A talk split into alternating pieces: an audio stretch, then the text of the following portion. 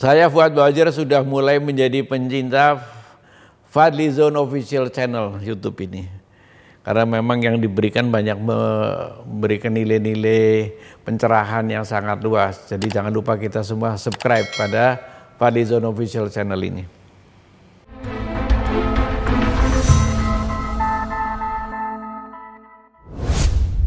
Assalamualaikum warahmatullahi wabarakatuh. Waalaikumsalam. Salam sejahtera untuk kita semua, saudara-saudara di Fadlizon Official channel YouTube ya. Saya ingin berbincang-bincang dengan seorang tokoh ekonom pernah menjadi dirjen pajak kemudian menteri ekonomi pada kabinet pembangunan 7 pernah jadi anggota DPR, MPR dan kini di kajian Komisi Kajian, uh, Komisi Kajian Ketatanegaraan MPR. di MPR.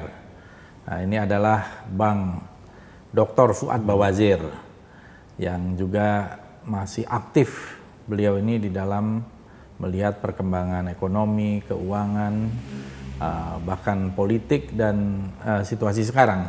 Bang Fuad, terima kasih nih kita mau ngobrol-ngobrol tentang uh, mungkin ya kalau boleh diawali dengan uh, karena kita berada di tahun baru ini diawali dengan sebuah uh, prospek secara umum eh, umum ekonomi kita ya. Nah, baru nanti kita hmm. membahas beberapa hal yang lebih detail.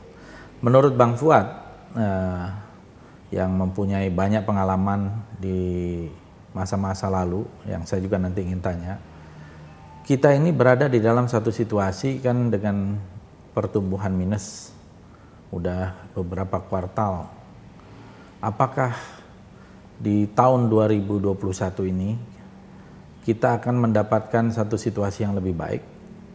Apa lebih buruk? Ya, terutama dengan perkembangan pandemi Covid yang terus meningkat di kita beberapa waktu belakangan ini, tapi di sisi lain sudah ada vaksin. Mungkin dari situ dulu saya ingin tanya Bang Fuad. Iya. Ya. Kalau pemerintah mengatakan nanti kita akan pada pertumbuhan 5% tahun 21, saya rasa itu ya uh, masih jauh atau mimpi lah ya. Kita berharap aja tidak lebih buruk dari tahun yang lalu. Hmm. Tapi kalau situasi pandeminya ini uh, tetap memburuk, ya bisa saja keadaan yang kita alami pada tahun 20 akan berlanjut ke 21. Ya, jadi ini antara kekuatan pandemi, efektivitas vaksin, mm-hmm. dan bagaimana kebijakan pemerintah dalam menangani masalah gitu, masalah ekonomi. Keadaan yang kita hadapi ini sekarang sebetulnya uh, lebih kompleks ya dari krisis krismon dulu ya. Yeah. Uh, kalau krismon dulu itu kan selain tidak ada masalah pandemi, eh, pemerintah dalam keadaan keuangan negara dalam keadaan solid, ya betul, nggak ada masalah, sehingga pemerintah bisa seperti Godfather untuk membantu swasta hmm. yang sedang terpuruk. Nah kalau sekarang ini kan yang terpuruk semuanya pemerintahnya sedang terpuruk, swastanya terpuruk, terpuruk. ya kan, ya rakyat kecil itu juga terpuruk begitu kan sehingga kondisi yang dihadapi itu uh, semakin berat gitu kan. Jadi uh, situasi ini memang memerlukan satu terobosan yang tepat lah untuk mengatasi dan tidak boleh ada faktor-faktor yang mengganggu mm-hmm. ya faktor-faktor yang uh, ekonomi maupun non ekonomi yang yang mengganggu kalau ada gangguan-gangguan itu susah misalnya ada gangguan-gangguan uh, korupsi kayak bansos dan sebagainya itu menyebabkan uh, pihak yang akan melakukan bisnis di Indonesia terutama orang asing itu waduh kalau negeri yang kayak begini gitu kan mm-hmm. uh, duit bansos duit yang lagi setengah mati diperoleh dibagi jadi disalahgunakan gitu tentu orang ragu mendekati mm-hmm. kita gitu loh sehingga indeks-indeks kita kan sekarang sedang menurun nih indeks korupsi lagi memburuk indeks demokrasi sedang memburuk semuanya sedang memburuk kan ini juga sangat tidak membantu untuk uh, recovery gitu justru itu saya lihat kan uh, di satu sisi tentu kita mau ada optimisme hmm. tapi di sisi lain realitas masih menunjukkan kelihatannya kok tantangan-tantangan ini berat gitu ya. Hmm. Misalnya ada strain lain dari virus itu yang harusnya kemarin katanya prospek ekonomi naik, tapi semua sekarang malah lockdown. Kemudian kalau kita lihat jadi satu krisis kesehatan, yang kedua soal ekonomi uh, yang pada periode tahun 2020 kan ada kecenderungan waktu itu pihak yang juga ingin mendahulukan ekonomi, tapi ada yang kesehatan, sehingga terjadi di awal itu kan uh, bahkan ketika DKI mau melakukan apa yang disebut kemudian sebagai PSBB malah ada penentangan gitu. Nah, menurut Bang Fuad, antara uh, ekonomi dengan kesehatan ini kan pasti udah nggak bisa dipisahkan sekarang dan dampaknya kan langsung. Nah, sejauh mana kira-kira ini bisa mengangkat uh, ekonomi kita vaksin ini, misalnya artinya kita bisa meredakan ini dan bisa mencapai 5%. Kok kayaknya angka itu mudah sekali diucapkan gitu ya. Padahal uh, beberapa tahun ini saja dalam situasi yang relatif lebih bagus itu target 5% kadang-kadang cuma 4,9, hmm. 5,1 jadi 5, 5,2 hmm. jadi 5 gitu ya. Yakin kita bisa nyampe 5% itu Bang? Oh, pasti enggak lah, dalam keadaan normal aja nggak nyampe. Masalahnya ini kan banyak uh, pejabat pejabat ekonomi itu yang jualannya itu cuman kayak statement-statement aja. Misalnya prediksi-prediksi orang asing hmm. ya yang punya kepentingan Indonesia yang muji Indonesia bakal begini bakal eh, itu yang dijual. Ya. Itu yang dicekokin kepada masyarakat. Lantas mengenai kinerja sendiri nggak pernah ada kinerja uh, pemerintah itu umumnya selalu mengatakan kami lebih baik dibanding ini, kami lebih baik dibanding ini, itu selalu propaganda gitu, hmm. ya kan?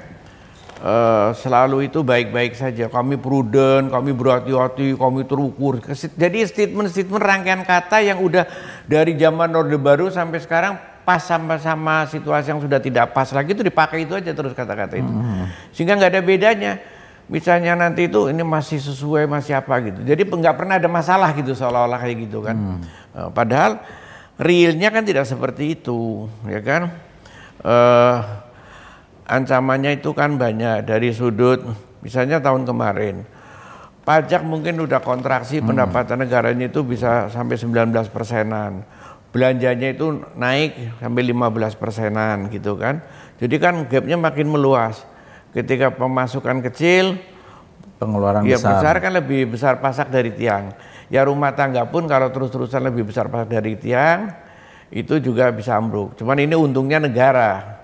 Jadi agak sedikit lain karena negara itu kan antara lain ya bisa mempunyai kekuatan ekstra lah ya yang hmm. tidak pada perusahaan atau pada orang pribadi gitu.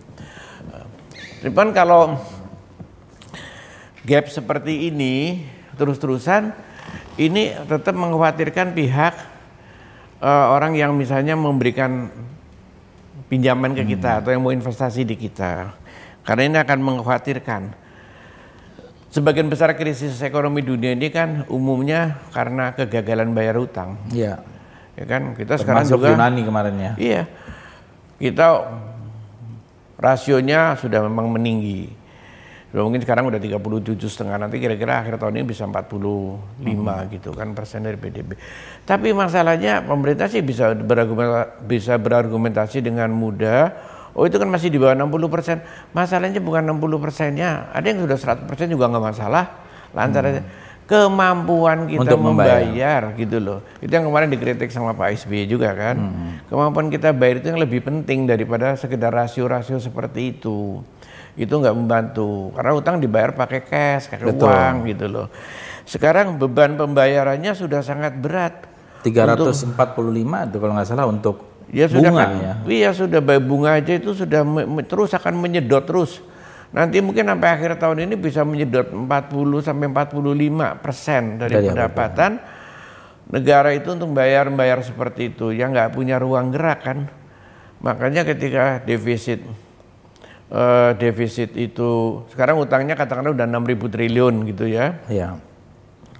Uh, kalau nanti nambah ini seribu tambah seribu setiap tahunnya seribu triliun tambahan baru kan tuh rasionya nanti akan cepat meledak. Sementara PDB kita tahun yang lalu katakanlah hampir 16 ribu tahun 19 2019 hmm. tapi kan ke tahun 20 karena negatif berarti turun. Ya kalaupun saya menghitung misalnya naik jadi 19 ke 2000 PDB-nya menurun karena pertumbuhan yang yang yang yang yang minus itu. Kalaupun nanti uh, saya anggap tahun 21 Satu. ya biar enggak enggak apa enggak menyinggung pemerintah tumbuh 4 persen 3 persen atau 4 persen tahun-tahun ke depan 21, 22 gitu kan. Maka PDB nanti akhir tahun 22 itu juga paling banter 17 ribu. Kira-kira kalau hitungan sisi 16 ribu 600 triliun. Ya, ya kan? Ya. Karena dari tahun 19 saya ulangi lagi itu yang cuma 15 1883 triliun terus dikurangi negatif. Hmm. Terus baru naik-naik lagi itu. Nah, kalau itu demikian, maka rasio utang negara terhadap PDB nanti pada akhir tahun 22 itu sudah bisa 47 persen. 47 ya. 47 setengah persen dari mana? Karena kan tadi 6 ribu triliun sekarang kalau ditambah lagi 1000 1000 dua tahun berturut-turut hmm. 21 22 nambah 1000 1000 kan jadi 8 ribu triliun. 8 ribu triliun dibagi dengan 16.600 sekian triliun kira-kira 47 setengah persenan gitu rasionya gitu kan rasio utang ke PDB. Ke PDB tapi daya belinya bagaimana pendapatan negara yang untuk membantu menopang itu kan kalau saya anggap tahun 21 ini pertumbuhan 4 persen uh, super super optimis hmm. ya itu eh, tahun 21 pendapatan negara juga tambah 4 apa 22 tambah 4 persen lagi itu baru 1839 triliun itu. Kalaupun itu pokok angka dasarnya udah tinggi. Nah rasio pendapatan negara pendapatan negara terhadap PDB itu kan cuma 11 persen kalau ya. dihitung dari situ. Yaitu 1700-an tadi dibagi dengan rasio PDB masing-masing yang tadi saya estimasi. Kalau tahun 20 1.700 triliun, pendapatan negara dibagi dengan 15 400-an triliun, tahun 21 1.768 triliun dibagi 16.000 triliun dan seterusnya gitu. Itu cuma rata-rata 11 persen pendapatan negara. Jadi sangat suram kan. Nah, sedangkan kalau dilihat dari rasio-rasio ini kita jelas jauh di bawah standar mana pun juga hmm. meski termasuk di Asia Tenggara. Karena pendapatan per kapita kita semuanya menurun gitu. Kita jadi semakin tertinggal ya dari sudut pendapatan per kapita pun juga menurunnya itu jauh gitu loh. Nah, pertumbuhan ini yang mem mem mem memprihatinkan kita itu begini. Ya. Tahun 99 sampai tahun 2004 pertumbuhan income per kapita. Hmm. Pertumbuhan income per kapita Indonesia 99 ke 2004 itu masih 71,4 persen. Tahun 2004 ke 2009 pendapatan per kapita masih 96,6 persen pertumbuhan selama yeah. masa itu. 2009 ke 2014 masih pertumbuhan income per kapita masih 54,4 persen. Tapi 2014 sampai 2019 pertumbuhan per kapita itu hanya 18,4 persen. Ya, ya.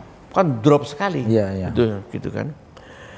Nah, jadi karena pertumbuhan income-nya turun, maka pendapatan eh, pajak per kapita juga menurun. Sementara utang per kapitanya naiknya Naik. drastis. Jadi dari sudut ini jujur ngomong aja we are in the wrong direction ya kan tapi banyak kalau para ekonom di pemerintah ngomong behind the right direction ya sudah nggak apa-apa itu udah dari itu kan. Iya, ikor iya. juga misalnya misalnya ini beberapa petunjuk aja ya saya tunjukin iya, iya betul penting indikator tahun 2011 ikor hmm. kita itu incremental capital output ratio ya. Kita negeri miskin kapital tapi boros kapital. Iya. aneh ini. Masih 3,8 sekarang tahun 2017 sudah 6,4 jadi produktivitas ekonomi Indonesia itu menurun di antara lain ya memang antara lain ada bilangan jeruknya harga komoditas dan lain-lain. Tapi kan ini hal yang memburuk gitu kan.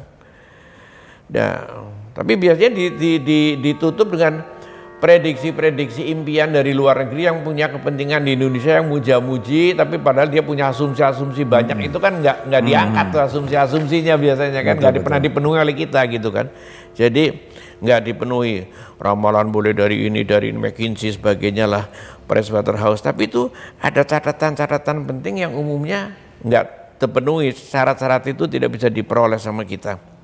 Iya.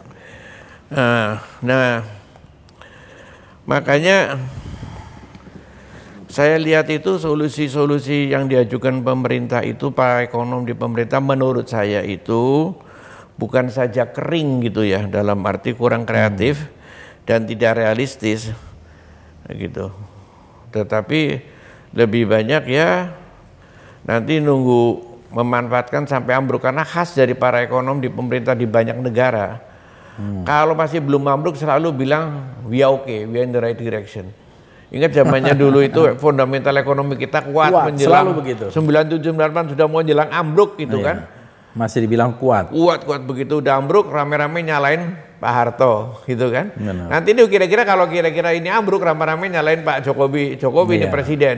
Orang presidennya begini begini begini itu udah khasnya mereka. Ya. Gitu kan. Nah. Sekarang ekonomi kita kan terutama keuangan negara lah. Kalau kita ngeliat dari keuangan negara eh, berat. Ekonomi juga transaksi berjalannya misalnya hmm. defisit, ya kan? Defisit ini itulah korupsinya di, sedang meninggi, APB-nya defisit, minyaknya juga lagi kurang defisit, ya kan? pendapatan negaranya cuma 11 persen, kalau pajak malah paling 8 persen. Tax ratio turun. Iya turun ya. Kalau pendapatan negara keseluruhan paling 11. Hmm. Ya rasio pajak hanya 7-8 persen. Sementara utangnya terus membengkak kan, terus saja. Nah itu kan satu tantangan yang menyebabkan banyak orang jadi ragu. Jadi anda sekarang ya, lihat tadi apa? Defisit uh, penerimaan kita sekarang hampir seribu triliun kan? Iya. Nah itu kan yang akan ditutup dari uh, utang kan. Utang lagi, jadi gali lubang utang, tutup lubang. Gali lubang tutup lubang. Nah sekarang mau apa? Kayak kalau seperti ini sampai kapan? Kan paling banter dari suatu penguasa ini berharap memanfaatkan dulu yang ada sekarang sekuat mungkin nanti pas lagi jatuhnya berharap sudah ganti pemerintahan itu kan yang terjadi hmm. di Yunani gitu. Betul. Memanfaatkan dulu hmm. borrowing capacity yang masih tersisa masih ada hmm. dimanfaatkan habis nanti kemudian ambruknya berikutnya gitu loh. Itu yang bahaya negara. Hmm. Apalagi ini terus terang aja uh, Bu Sri Mulyani ini kan orang yang pertama sekali memperkenalkan surat utang negara. Sun itu SBN Sun, itu. Ya. Kami itu dulu dalam Orde Baru, bahkan setelah Orde Baru pada Pak Habibie, kemudian Gus Dur, Ibu Mega gitu ya presiden itu masih belum memperkenalkan Sun SBN. Karena paham-paham kami itu para senior itu kita belum siap. Hmm. Jadi kita cuman utangnya cuman pinjaman bilateral multilateral.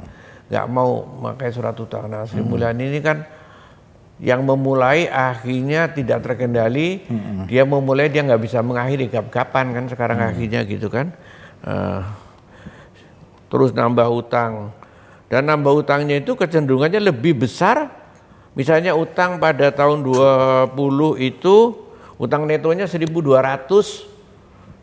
triliun, lebih besar dari defisit. Pada tahun 21 juga utangnya akan lebih tinggi lagi dari defisit yang dianggarkan. Jadi untuk cadangan. Iya. Ya itu memang boros ya jadi bayar bayarnya apa apa bebannya lebih besar. Tapi hmm. karena saking takutnya selalu ngambil utang lebih besar dari dari yang defisit. Hmm. Gitu. Untuk jaga-jaga gitu. Nah utang negara itu ya pada akhir tahun 14 kan baru 2.609 triliun. Tahun 14 tahun 20 sudah 6 ribu triliun. Artinya apa? Lebih dari dua kali lipat. Naik 3.400 triliun kira-kira iya. gitu. Ya kan? Dalam lima tahun. Atau rata-rata per hari utang itu nambah 1,55 triliun hmm. per hari. Termasuk iya. Sabtu Minggu hari libur gitu kan. Luar biasa. Ya itu bagian jadi 3.400 triliun dibagi hmm. 6 tahun. 6 tahun itu hmm. 6 kali 3, 6, 5 hari makanya jatuh 1,55 per hari. Per hari. Nambah utang 1550 miliar. Kalau dihitung begitu luar biasa ya. Iya, ya kan? Uh, tentu ini saya rasa sudah di luar kendali. Saya hmm. membaca juga artikel dari itu ya uh, ekonom bagus itu Pak Antoni Budiawan itu ya. Hmm. Kalau istilahnya dia itu ini sudah di luar sudah di luar kendali hmm. gitu loh. Uh, karena terlalu besar dana yang tersedot oleh masyarakat eh, oleh dari masyarakat hmm. untuk membiayai ini. Makanya dulu itu kami nggak mau bikin surat utang para ekonom-ekonom yang lama itu karena kami nggak mau ada crowding out, hmm. yaitu uang yang ada hmm. di perbankan di masyarakat itu rebutan antara pemerintah dengan surat utangnya hmm. dengan swasta yang ingin investasi. Sekarang ini kan bank-bank naik asetnya itu karena utang surat utang sebetulnya. Kreditnya sendiri, kredit perbankan itu kan kecil sekali sekarang pertumbuhannya nggak masuk akal kita berharap sampai 20 persen itu baru ekonomi bergerak bagus sekarang paling 5-6 persen iya. Nah, asetnya nambah dari mana? Dari budi surat utang. Itu hmm. yang dulu kita nggak mau crowding out. Makanya kita cuma pilih pinjaman bilateral, pinjaman multilateral. Hmm. Kita belum siap. Hmm. Kalau ada duit pakai sun-sun, wah duitnya itu. Kayaknya buat macam-macam sehingga alokasi anggarannya tidak sehat. Jadi yang dulu kita ramalkan itu di ditabrak sama Ibu Sri Mulyani dengan Sun, ya. Sekarang semua terbukti. Prediksi kita yang kita nggak mau ada crowding out akan begini begini bong akan jadi boros utang bengkak macam-macam. Sekarang utang yang 6 ribu triliun itu kan sebagian besar utang sun. Iya. utang pinjaman bilateral bilateral paling 1000 triliun masih terkendali benar kan gitu. Iya. itu kenapa waktu krisemon dulu keuangan negara masih sehat. Kalau sekarang keuangan negaranya juga sudah tidak sehat. Hmm. Ya menimbulkan crowding out yang kita duduk menghindari gitu kan. Sehingga kita hanya mengenal pinjaman pinjaman bilateral tadi sekarang kecenderungan lagi kredit perbankan ini kemari-kemari ini cenderung akan menurun hmm. karena apa ya investasi swasta cenderung menurun hmm.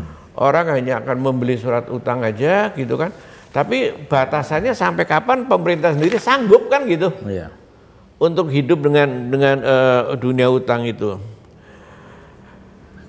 Nah, dari mana sekarang? Persoalannya adalah akan dibiayai dari mana nih defisit ini? Gitu kan? Iya. Tapi sebelum ke situ, Bang Fuad, nanti saya saya akan ingatkan lagi akan sampai di mana gitu. Ini kita bicara dulu misalnya nih mazhab. Ini kalau dalam ekonomi mazhab apa nih yang terus bergantung terus kepada utang gitu ya. Dan uh, kan padahal Pak Jokowi sendiri yang selalu mengatakan trisakti berkali-kali di mana-mana. Termasuk berdiri di atas kaki sendiri, politik, berkepribadian secara budayaan dan sebagainya gitu loh. Tapi kalau kita lihat di dalam praktek ekonominya sangat liberal gitu ya. Seperti Washington Consensus malah mungkin lebih dari itu. Lebih kita uh, Hmm. Kebablasan istilahnya malah. Makanya kok ini ada yang disconnect gitu. Kan katanya menteri itu tidak ada visi misinya. Adalah visi misi presiden.